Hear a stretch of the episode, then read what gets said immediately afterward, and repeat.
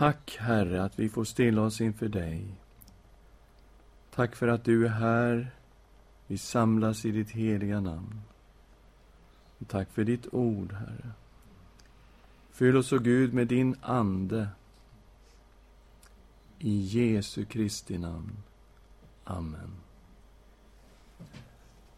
Ja, vi har ju kommit till det spännande nionde kapitlet. Ett kapitel som eh, talar om en händelse som har förändrat världshistorien.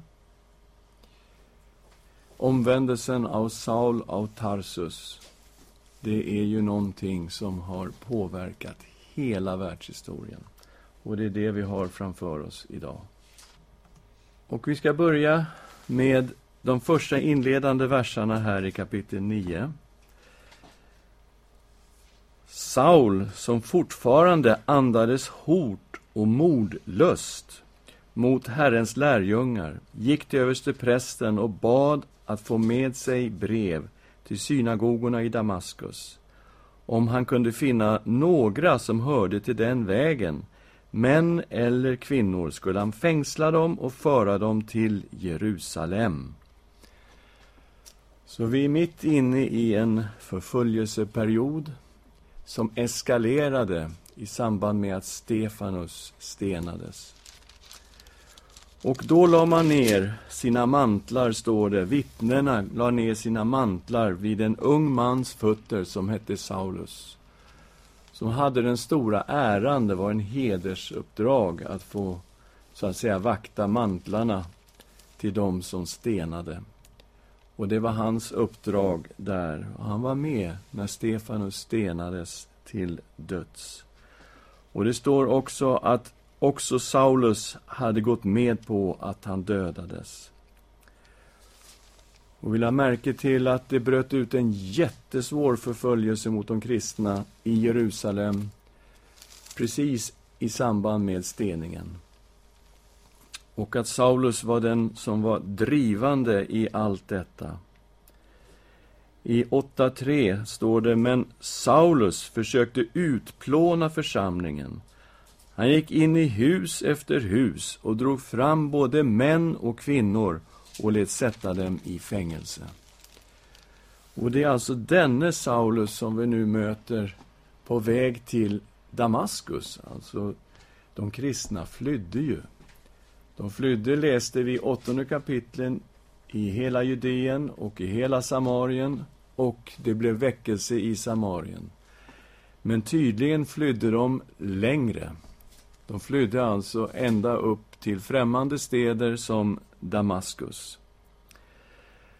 Och det är ju extremt då att denne Saul, denne fanatiker, ger sig iväg till främmande städer för att fängsla de kristna. Han försöker verkligen utplåna den kristna församlingen. Och han är inte dummare än att han förstår att om de här får vara fritt uppe i Damaskus så kommer den kristna tron också att sprida sig där bland judarna. Ja. Ja, här kommer nu en mycket väsentlig fråga. Hur kommer det sig att eh, Saul kunde få fullmakt från översteprästerna att fängsla någon i Damaskus? Och det är ju en mycket bra fråga eftersom översteprästen hade ju ett ansvar över Judeen och hade myndighet att fängsla judar i Judeen, men knappast i Damaskus. Så det, frågan är helt berättigad. Och ändå så får då Saul med sig ett brev med fullmakt från översteprästen att fängsla de troende, de kristna som man hittar uppe i Damaskus. Och hur ska vi kunna förklara detta?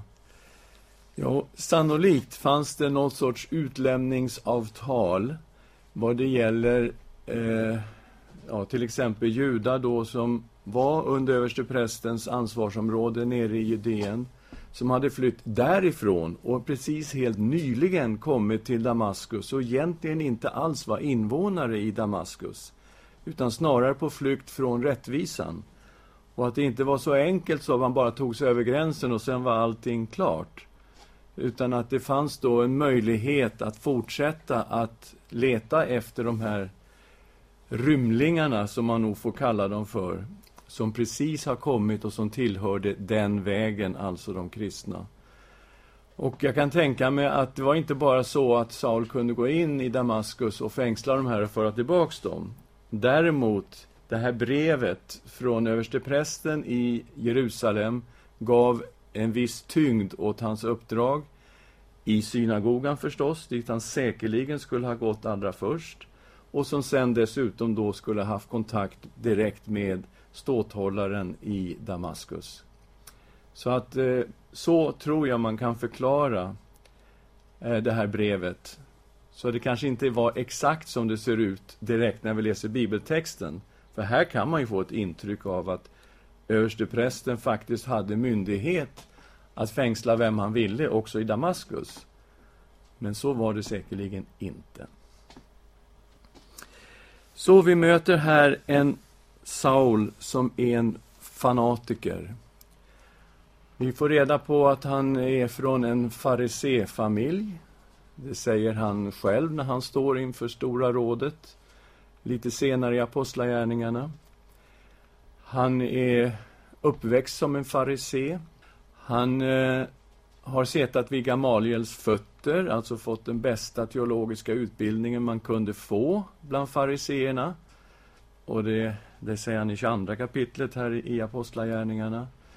Så vi har framför oss en människa som är gediget skolad i Gamla testamentet och som är mycket hängiven som farisé. Och om man ställer sig frågan, finns det någonting som skulle kunna tyda på att den här personen skulle bli aposteln Paulus? Då är ju svaret blankt nej. Så det vi har framför oss, är en av de starka bevisen för eh, den kristna trons sanning. Hur kan man förklara den totala omvändelsen och förändringen i Saulus av Tarsus liv om det inte är så att han har mött Kristus på vägen till Damaskus. Som han säger själv, är den enskilt avgörande händelsen som fullständigt överrumplade honom, förmodligen chockade honom hela vägen. Och det går inte att förklara denna totala förändring. Han är villig att offra sitt liv för denna sanning som han säger, jag mötte Jesus på vägen till Damaskus. Så här har vi ett starkt apologetiskt argument för den kristna tron, att Jesus lever. Och vi kommer till hans möte med Jesus på Damaskusvägen. Vi är i tredje versen av kapitel 9. Men när han på sin resa närmade sig Damaskus strålade plötsligt ett ljussken från himlen omkring honom. Och han föll till marken och hörde en röst som sa till honom, Saul, Saul, varför förföljer du mig? Han frågade, vem är du, Herre? Rösten svarade, Jag är Jesus, den som du förföljer. Men stå upp och gå in i staden, så ska du få veta vad du måste göra. Männen som reste med honom stod där förstummade. De hörde ljudet, men såg ingen. Saul reste sig upp från marken, och när hans ögon öppnades kunde han inte se. De tog honom då vid handen och ledde honom in i Damaskus. Under tre dagar såg han ingenting, och han varken åt eller drack. Ja, vilken situation, vilken chock för Saul av Tarsus. Kommer där med det här brevet under armen. Han har en enda plan i huvudet, att utplåna den kristna församlingen. Och här får han alltså ett ljussken från himlen som är så starkt att han slås till marken, han blir totalblind, han kan inte ens se, Så det är någonting fysiskt i det här ljuset. Han ser alltså ett ljus, inte någon sorts inre ljus, utan det är någonting yttre som träffar honom med en sån kraft att han slås till marken och han blir blind. Han hör en röst som ropar hans namn, får vi förmoda på, på arameiska. Saul, Saul, varför förföljer du mig? Och han vet ju inte vem det är som talar. Han ser ingen, han är ju förblindad, han, han kan inte se någon. Han hör bara den här rösten. Och han bara ropar, Vem är du, Herre? Och rösten är den som svarar, Jag är Jesus, den som du förföljer. Vilken chock för Saul av Tarsus.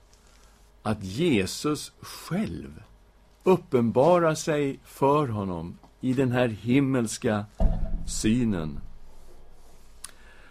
Och när man läser i 26 kapitlet, när Paulus står inför Agrippa, så får man ju ännu mer kött på benen av vad Jesus faktiskt säger här. Det finns lite mer i, i det hela. Jag reser ifrån den femtonde versen i kapitel 26. Jag sade, vem är du, Herre? Och Herren svarade, jag är Jesus, den som du förföljer. Men stig upp och stå på fötterna, ty jag har visat mig för dig för att utse dig till tjänare och vittne, både till vad du har sett och till det jag kommer att visa dig. När jag räddar dig undan ditt eget folk och undan hedningarna, till dem sänder jag dig, för att du ska öppna deras ögon, så att de vänder sig från mörker till ljus, från Satans makt till Gud. Så ska ni genom tron på mig få syndernas förlåtelse och arvslott bland dem som är helgade. Så här är en betydligt mer matig, så att säga, information av vad Jesus faktiskt sa till Saul där på vägen till Damaskus, än vad som möter oss här i nionde kapitlet. Ja, han kan alltså inte se någonting, han måste ledas in i staden. Och eh, man kan undra hur följeslagarna uppfattade det här. De måste ju också varit i någon form av chock. Men de leder i alla fall Saul in i Damaskus. Han fastar och ber i tre dagar. Han äter inte, han dricker inte. Han är bara i bön i tre dagar i sträck. Och han sover kanske någonting däremellan, får vi förmoda. Men han äter och dricker ingenting. Totalfasta i tre dagar. I Damaskus fanns en lärjunge som hette Ananias. Till honom sa Herren i en syn, Ananias. Han svarade, här är jag, Herre. Herren sa till honom, bege dig till den gata som kallas Raka gatan och fråga i Judas hus efter en man som heter Saulus och är från Tarsus. Ty se, han ber. Och i en syn har han sett en man som heter Ananias komma in och lägga händerna på honom för att han ska se igen. Då svarade Ananias, Herre, jag har hört av många hur mycket ont den mannen har gjort mot dina heliga i Jerusalem, och nu är han här med fullmakt från översteprästerna att gripa alla som åkallar ditt namn. Men Herren sa till honom, gå. Han är ett redskap som jag utvalt för att han ska bära fram mitt namn inför hedningar och kungar och inför Israels barn. Och jag ska själv visa honom hur mycket han måste lida för mitt namns skull. Så här har vi nu ett samtal som pågår mellan Jesus och Ananias. Och eh, det verkar bara ganska självklart att Ananias får en uppenbarelse av Jesus. Det, det, är ingenting som ger intryck av att det här var konstigt eller speciellt överraskande för Ananias att ha ett sorts samtal med Jesus. I alla fall så kommer ett, ett tillrop till den här lärjungen från Jesus och han svarar direkt, här är jag, vad vill du nu? Ungefär, får man ju intryck av. Eh, har du något nytt uppdrag för mig? Ja, du ska gå till det här huset som ligger där borta, exakt det huset. Där finns Saulus från Tarsus och han är i bön. Ja, Ananias undrar om Herren har fått någonting om bakfoten, om han verkligen har förstått vem den här Saulus av Tarsus faktiskt är. Det är ju han som är den drivande kraften i hela förföljelsen mot de kristna i Jerusalem. Han har varit med vid Stefanus stening och han har varit med om att dra män och kvinnor och sätta dem i fängelse. Och nu är han alltså denne ursinnige man, fanatiken Saulus, på väg till Damaskus för att fängsla de kristna. Och det vet Ananias om. Så han undrar ju om Jesus faktiskt har saker och ting klart för sig.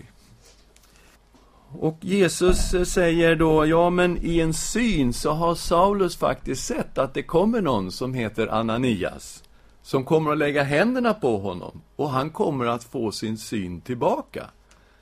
Så Saul har också haft en direktkommunikation med Jesus, och har sett och fått veta saker under de här tre dagarna av intensiv bön och fasta.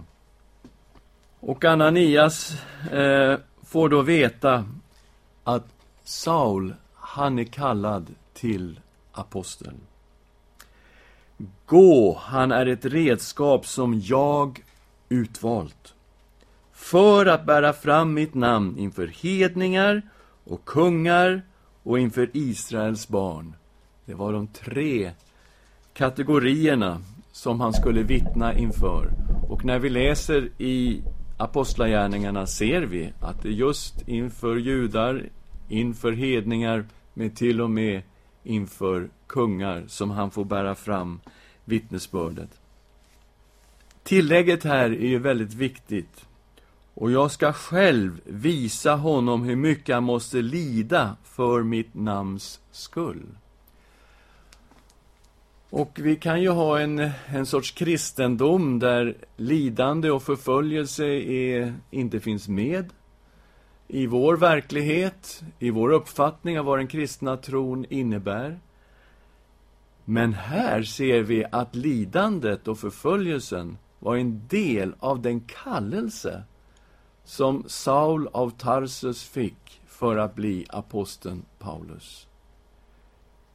Så det var inte så att allting gick utanför planen när han och Silas sitter där i fängelse i Filippi och sjunger lovsånger mitt i natten. De var mitt i Guds vilja. De var inte utanför Guds vilja, på något sätt. Och när han sen sitter i fängelse i fyra år och skriver sina fängelsebrev, ja, han vet att detta var en del av den kallelse som han fick på vägen till Damaskus. Och eh, man kan ju också ställa sig frågan, tror ni att det överhuvudtaget skulle vara möjligt för Saul av Tarsus att bära fram vittnesbördet om Jesus bland judar och kungar och, och hedningar utan att det skulle bli så här? Utan förföljelse, utan lidande, utan motstånd. Tror ni att det överhuvudtaget skulle vara möjligt? Okej, vi ställer nästa fråga. Tror ni att Saul av Tarsus förstod vad det här kunde innebära när han svarade ja på kallelsen? Han om någon, som hade drivit förföljelsen så hårt, visste precis vad det här skulle innebära för honom när han svarade ja till Jesus. Vi läser vidare. Vi är i sjuttonde versen. Då gick Ananias, och när han kom in i huset lade han händerna på honom och sade, Saul, min broder. Herren Jesus, som visade sig för dig på vägen hit, har sänt mig för att du ska kunna se igen och uppfyllas av den helige Ande. Genast var det som om fjäll föll från hans ögon och han fick sin syn igen och blev död. Sedan åt han och fick nya krafter. Ja, bara att säga detta, det måste nästan ha känts lite kärvt på tungan hos Ananias. Saul, min broder. Det var inga lätta ord, men han hade en uppenbarelse att gå på, så han visste att detta var sant. Så han säger, Saul, min broder, Herren Jesus som visade sig för dig, han har nu skickat mig för att du ska få din syn igen och uppfyllas av den heliga Ande. Och vi får se det här som både bokstavligt och andligt. Fjäll föll från hans ögon och han fick sin syn igen och blev uppfylld av den heliga Ande. För nu hände detta som han beskriver så ingående i Andra Korinthierbrevet, att den slöja togs bort från hans ögon och helt plötsligt kunde han se Jesus Kristus i Gamla testamentets skrifter. Det som han hade läst sedan barnsben och kunde innan och utan, där hade han aldrig sett Jesus förrän nu, när han blev uppfylld av den helige Ande. Därför att ganska snart möter vi en predikant som har det här solklart för sig. Han kallas till apostel. Och vi ska läsa ner till 25 versen. Saulus stannade några dagar hos lärjungarna i Damaskus och började genast predika i synagogorna att Jesus är Guds son. Alla som hörde honom häpnade och sa var det inte han som i Jerusalem ville utrota dem som åkallar detta namn? Och kom han inte hit för att gripa dem och föra dem till översteprästerna? Men Saulus fick allt större kraft och gjorde judarna som bodde i Damaskus svarslösa när han bevisade att Jesus är Messias. Efter någon tid beslöt judarna att röja honom i vägen. Men Saulus fick reda på deras beslut. Dag och natt höll de till och med vakt vid portarna för att döda honom. Men en natt tog hans lärjungar och firade ner honom ut efter muren i en korg. Det ser ju ut här när man läser texten att Saul började predika direkt där i Damaskus och sen efter en ganska kort tag så firar de ner honom i en korg när han flyr ut genom muren, därför att genom portarna kan han inte ta sig ut längre. Det är vakt där. Och de kommer att försöka döda honom. Men, eh, ja, det finns tre år begravda här någonstans, som inte går att utläsa exakt var i Apostlagärningarna-texten. Men i, i detta avsnitt ligger tre år. Nu får vi hjälpa varandra lite grann. Vi går till eh, Galaterbrevet, kapitel 1 och läser hur han själv beskriver den här omvändelsen. Galaterbrevet 1, vi börjar i vers 13. Ni har ju hört hur jag tidigare uppträdde som jude hur jag ytterst våldsamt förföljer Guds församling och försökte utrota den. Och hur jag gick längre i judendomen än många jämnåriga i mitt folk. Mer fanatisk än det eh, ivrade jag för mina fäders stadgar. Men han som utvalde mig redan i moderlivet och som kallade mig genom sin nåd beslöt att uppenbara sin son för mig för att jag skulle predika evangelium om honom bland hedningarna. Eh, jag brydde mig då inte om att genast fråga eh, människor till råds. Jag får inte upp till Jerusalem, till det som var apostlar före mig, utan jag begav mig till Arabien och vände sedan tillbaka till Damaskus. Först tre år senare får jag upp till Jerusalem för att lära känna Kefas och jag stannade hos honom i femton dagar. Någon annan av apostlarna träffade jag inte, bara Jakob, Herrens bror. Här har vi ju helt klart tre år instoppade här, mitt i Apostlagärningarna 9-texten. Och Paulus säger alltså att han inte frågade människor till råds när han blev omvänd, så ganska snabbt på hans omvändelse så far han till något han kallar för Arabien. Och där är han alltså i tre år. Och det är här som han går i bibelskola. Han är alltså i en treårig bibelskola tillsammans med Jesus och skrifterna. Så att när han kommer tillbaka till Damaskus efter tre år, då har han något att säga. Och han har jättemycket att säga, ja. Nej, men det man kan se då, han säger i, Galaterbrevet 1 att han for från Arabien tillbaka till Damaskus. Det kan man se. Men man kan inte se var de finns.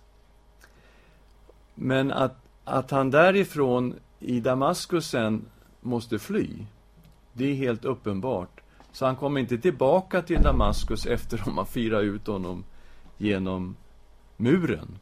Utan då beger han ju sig till Jerusalem. Och det säger han i Galaterbrevet och det står också här i Apostlagärningarna. Vad vi inte kan se i Apostlagärningarna är var exakt de här tre åren kommer in. Är ni med mig så långt? Ja. Då kommer han till Jerusalem, kallad till apostel.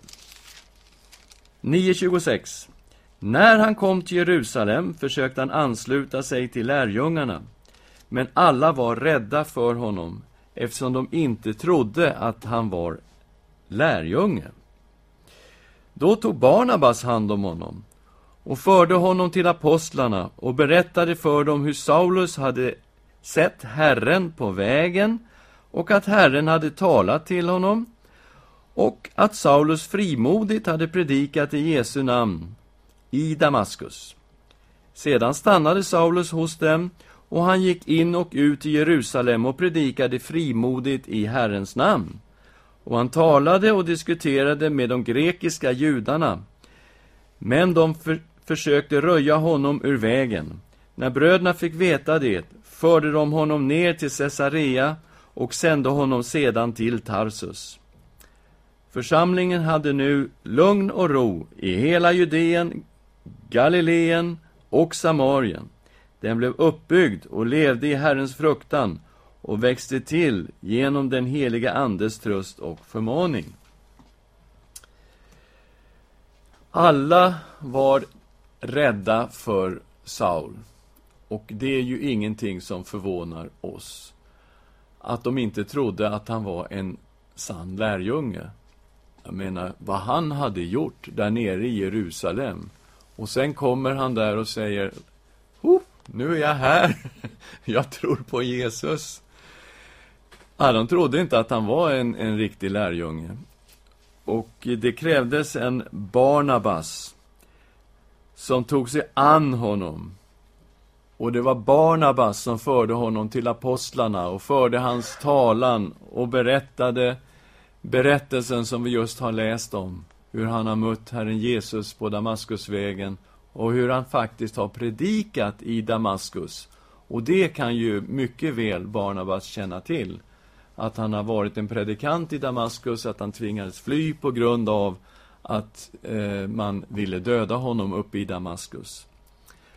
Och på så sätt så tas han emot och sätter igång faktiskt och predikar i Jerusalem. Och man kan tänka sig, hur kunde han göra det? Fast det var nog inte särskilt lång tid han kunde predika. Hans grekiska var tydligen helt flytande. Han talar till grekisktalande judar primärt, verkar det som. Men de försöker i alla fall, de grekisktalande judarna, försökte röja honom ur vägen. Och det var de grekisktalande judarna som släpade Stefanus inför Stora rådet Så att här förstår vi att det var fara och färde. Ja, precis. Nej, men då får man ju anta att de här tre åren är faktiskt som en lucka. Han, han är alltså inte i kontakt vare sig med Jerusalem eller Damaskus. Sen dyker han upp i Damaskus efter tre år. Och eh, då börjar han predika en ganska kort tid igen. Och tvingas fly för sitt liv. Så att kunskaperna är alltså ganska tidsmässigt ganska korta, för man får tänka sig att de här tre åren är faktiskt en ren lucka för alla utom för Saul. Ja, och när han sen dyker upp i Jerusalem, då är det inte så konstigt att man fortfarande är rädd för honom. Jag tycker det är ganska självklart med tanke på att han har varit den som har varit huvudledaren för förföljelsen mot de kristna. Och gjort att de har måste fly till Judeen och Samarien. Och när de sen då har kommit tillbaks under de här åren, säkerligen, till Jerusalem, så dyker han upp igen, den här personen, och säger att han är en Jesu lärjunge. Jag tycker det är, ja, ganska rimligt faktiskt, att de var rädda. Från Mellanöstern? Absolut. Man, det, det, är så, tror jag, man tolkar det. Man tänker, han är inte en sann lärjunge. Han försöker nästla sig in, låtsas vara en sann lärjunge, och när han har alla namnen, så slår han till. Och det är ju det som Amir pekar på i Mellanösternperspektivet som man hela tiden är medveten om när man lever i de här situationerna. I Egypten eller Iran. Är det någon här som inte är en sann lärjunge, som bara samlar information, får veta precis vilka alla är som bekänner sig till Jesus, och sen kommer de att arresteras, hela gänget. Precis så.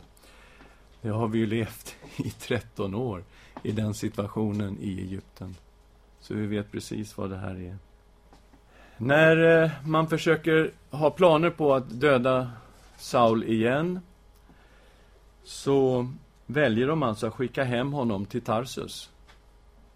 Och det står att, eh, man förstår att det var ett vist drag, därför att nu så hade de lugn och ro i hela Judeen och Galileen och Samarien och eh, församlingen blev uppbyggd. Så att det var nog ett vist drag att få undan Saul. Eh, det hade inte kunnat pågå särskilt länge utan att han hade blivit marterad där i Jerusalem. Ja, vi ska gå vidare och titta lite grann på tidpunkt för Paulus omvändelse, som eh, man kan undra över. Vi får nämligen lite ny information här. Vi börjar med Jesu korsfästelse, som då är år 30 eller 33. Och vad beror det på? Jo, det beror på att man läser in den judiska kalendern med materialet som finns i evangelierna, där Jesus då korsfästes på en fredag. Och hur det här ska sammanfalla med den judiska påsken. Och det är det som gör att man landar på två årtal, 30 eller 33. Eh, och vi har en tidsangivelse som hjälper oss till viss del. I Lukas evangeliets tredje kapitel, första vers. Och jag läser bara den första delen av versen. Under kejsar Tiberius femtonde regeringsår, när Pontus Pilatius var landshövding över Judeen, Herodes landsförste över Galileen. Här finns en tidsangivelse när Johannes döparen träder fram. Han träder alltså fram under kejsar Tiberius femtonde regeringsår. Och eh, Kejsar Tiberius, han var alltså kejsare från år 14 till år 37. Så kör man enkel matematik på 14 plus 15, då landar, landar man ju på 29. Och sen eh, ger man lite tid för Johannes döparens eh, tjänst innan Jesus kommer dit och blir döpt och börjar sin tjänst. Då är man någonstans eh, i slutet av 29 eller eh, ja, kanske till och med början på 30, men någonstans där kring 29 skulle man nog sätta Jesu dop. Sen sätter du på tre år av Jesu tjänst. lite drygt då. Max tre och ett halvt år av Jesu tjänst och du hamnar på 33. Det är ju enkel, rak matematik som tyder på att det är det senare årtalet som är det riktiga årtalet för Jesu korsfästelse. Går det att läsa in år 30? Svar ja, det går att läsa in år 30 också. Och det är så att Augustus dog år 14, han som var kejsare före Tiberius. Men de samregerade i två år åtminstone. Så man kan lika gärna börja nere vid 12 och plussa på 15. Och det är klart, då hamnar man på 27. Och då blir det fullt möjligt att Jesu korsfästelse sker år 30. Så båda de här två årtalen är möjliga utifrån eh, den historiska kalendern som vi har framför oss. Vi har Paulus omvändelse, den ligger ungefär två år efter korsfästelsen och det är det man läser ut av det som har hänt i Apostlagärningarna så här långt. Ungefär två år har vi. Vi har ett annat fixerat årtal som är ja, det, är, det går att fixera väldigt tydligt och det är apostlamötet som ligger i Apostlagärningarna 15 ligger år 49-50. Och här blir det då frågan hur man läser Paulus. För att Galaterbrevet 1, som vi läste här, ger ju en fingervisning om tiden här. Man kan läsa det på två sätt, nämligen. Han säger att han först tre år senare får upp till Jerusalem. Okej, okay, då börjar man ju tänka sig att han är omvänd då 32 eller 35. Eller hur? Och tre år senare, ja det blir ju typ 38 eller 35. Så det är de möjliga årtalen när han reser upp till Jerusalem. Sen kommer man till 2.1, där det står 14 år senare får jag åter upp till Jerusalem, nu tillsammans med Barnabas. Okej vi var vid 35, plussa på 14, det är det tidigare årtalet för Jesu korsfästelse. Vi hamnar spik på 49,50. Det stämmer ju väldigt bra. Hur kan man läsa det på ett annat sätt? Jo, 14 år senare. Senare än vad då? Blir ju då frågan. Ja, det kan ju vara senare än omvändelsen. Alltså tre år efter omvändelsen får jag upp till Jerusalem. 14 år efter omvändelsen så får jag en gång till upp till Jerusalem. Så man kan läsa det på båda två sätten och det är inga konstigheter med vare sig det ena eller det andra. Och det betyder att det är fullt möjligt att baka in Galaterbrevet 1 och hålla fast vid båda årtalen. Att Jesus korsfästes år 30 eller han korsfästes år 33. Båda är möjliga. Men, här i nionde kapitlet har vi hittat en situation i Damaskus som talar för det senare årtalet. Och vi går till Andra Korinthierbrevet kapitel 11, vers 31 till 33. Herren, Jesu Gud och Fader, som är välsignad i evighet, vet att jag inte ljuger. I Damaskus lät kung Aretas ståthållare bevaka staden för att gripa mig. Och från en öppning firades jag ner i en korg ut efter muren och undkom honom.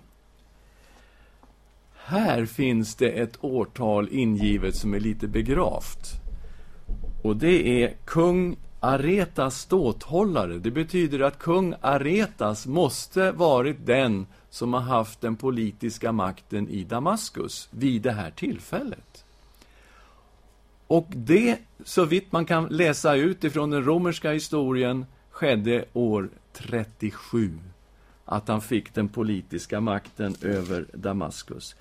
Han hade nämligen legat i luven med Rom, den här Aretas, så till den milda grad att eh, det var tal om att man skulle föra krig emot honom.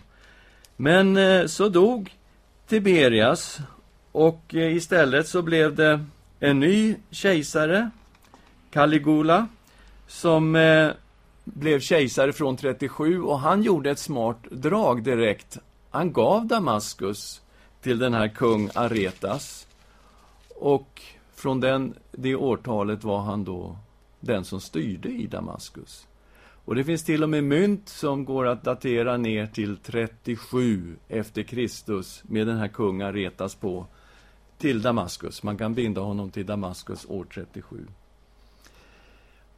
Och det här pekar ju naturligtvis på det senare årtalet för Jesu korsfästelse. Och det blir inte så lätt att läsa in det i det tidigare årtalet. I så fall måste det något fel på historieskrivningen. Och det är vi ju inte direkt beredda på att tänka oss. Så snarare får vi här en tydlig fingervisning som pekar mot det senare årtalet. Så det mesta pekar mot att Jesu korsfästelse skedde år 33 efter Kristus. Och att Paulus omvändelse blir då 35 efter Kristus. Och då får vi en sån här tidslinje. Jesu död, fredagen den 3 april år 33. En liten kuriosa, den 3 april så var det en, eh, en partiell månförmörkelse i Jerusalem. Lite intressant med solen som ska vändas i mörker och månen som ska vändas i blod. Eh, lite spännande när man läser in löftena i Joel om att den heliga Ande ska utgjutas över allt kött, har vi just de tecknen. Och vi har mörkret vid Jesu korsfästelse och vi har den här partiella eh, månförmörkelsen i Jerusalem. Den dagen. Vi har apostlamötet då i Jerusalem 49-50. Så någonstans här kommer inprickandet. Paulus omvänd år 35. Och Paulus flyr då från Damaskus och kommer till Jerusalem år 38 och det stämmer ju väl överens med Andra Korinthierbrevet där kung Aretas ståthållare bevakade staden för att gripa mig. Eh, ja, vi lämnar här öppet för någon fråga. Just det. Nej, det handlar bara om Damaskus. Att han var kung eh, över nabatéerna, alltså i norra Arabien. Det är helt klart. Men han var alltså en ganska självständig kung mot Rom och till och med krigade eh, på 30-talet mot eh, Juda, till exempel. Alltså släppte in sin armé där och, det var, och vann dessutom. Så han var ju i onåd hos Rom. Och att han då skulle ha haft någonting att säga i Damaskus, som var under romerskt styre, det är inte troligt före 37, när han då fick den här Eh, ja, fick staden. Och det blev fred och frid mellan Rom och kung Aretas. Eh, en sak som jag funderar på är varför alltså varför det kommer i bitar, så att säga. Man har Apostlagärningarna 9 och sen läser man då i, i 22an när Paulus relaterade här i sitt tal i Jerusalem inför judarna som är uppretade på honom. Och sen står han inför kung Agrippa i 26 och relaterar samma händelse och det kommer fram nya detaljer. Ja, mitt enkla svar på det är att det finns ingen möjlighet att liksom stoppa in allt på en enda gång. Eh, det är ungefär som att säga att jag var i Egypten i 13 år och, eh, men jag talar inte om att jag var också nere i Sudan på två resor. Jag har varit i Tunisien och jag var på Malta. Och det är ingenting som man talar om. Men man ljuger inte för det, för att man säger att man var i Egypten i 13 år. Det är liksom så man beskriver saker och ting. Man behöver inte tala om precis varenda resa man gjorde hit och dit. Och därför har jag heller inga problem med de här tre åren i Arabien. Jag menar, why? What? Det är bra att det kommer fram i Galaterbrevet och att vi ser hela alltet, när vi börjar lägga pussel, så ser vi ju alltihopa. Mm, lite grann så. Vem tror du döpte Saulus? Ja, jag tror det var Ananias. Rakt på, direkt. Enaste vattendop där, tror du? Ja, exakt vad de använde för att döpa. Det ju, var ju väldigt fascinerande nu när vi var nere i Jerusalem och fick svaret på hur de kunde döpa 3000 på en enda dag. Därför att man har hittat de här judiska mikvebaden som var då så stora att man skulle gå ner i dem och faktiskt kunde sänka ner en hel människa. Och då fanns ju stort antal mikvebad vid södra ingången till templet i Jerusalem. Och det har inte varit något problem för tolv apostlar att döpa 3000 personer på några få timmar. Eftersom man då går ner och upp i en strid ström. Det är inget stopp någonstans. Där nere står det då tolv stycken apostlar i botten på mikvebadet. Och naturligtvis fanns det mikvebad också i Damaskus. Eh, där det fanns ganska gott om judar. Det fanns flera synagogor i Damaskus till exempel. Så att det kan mycket väl ha varit ett sånt mikvebad som han döpte Paulus i. Ska vi be tillsammans? Tack, Herre, att du uppenbarade dig för Saul av Tarsus. Tack att du kallade honom till apostel. Och vi tackar dig när vi tänker på vilket enormt genomslag hela den tjänsten hade på den dåtida världen, men också idag. Vi tänker med förundran på alla de 13 breven vi har av aposteln Paulus. Och vi ser vilket instrument han blev till att föra ut evangelium långt, långt, långt utanför Israels gränser. Vi tackar och prisar dig, Herre. Vi ger dig ära för det sätt som du har verkat. I Jesu Kristi namn. Amen.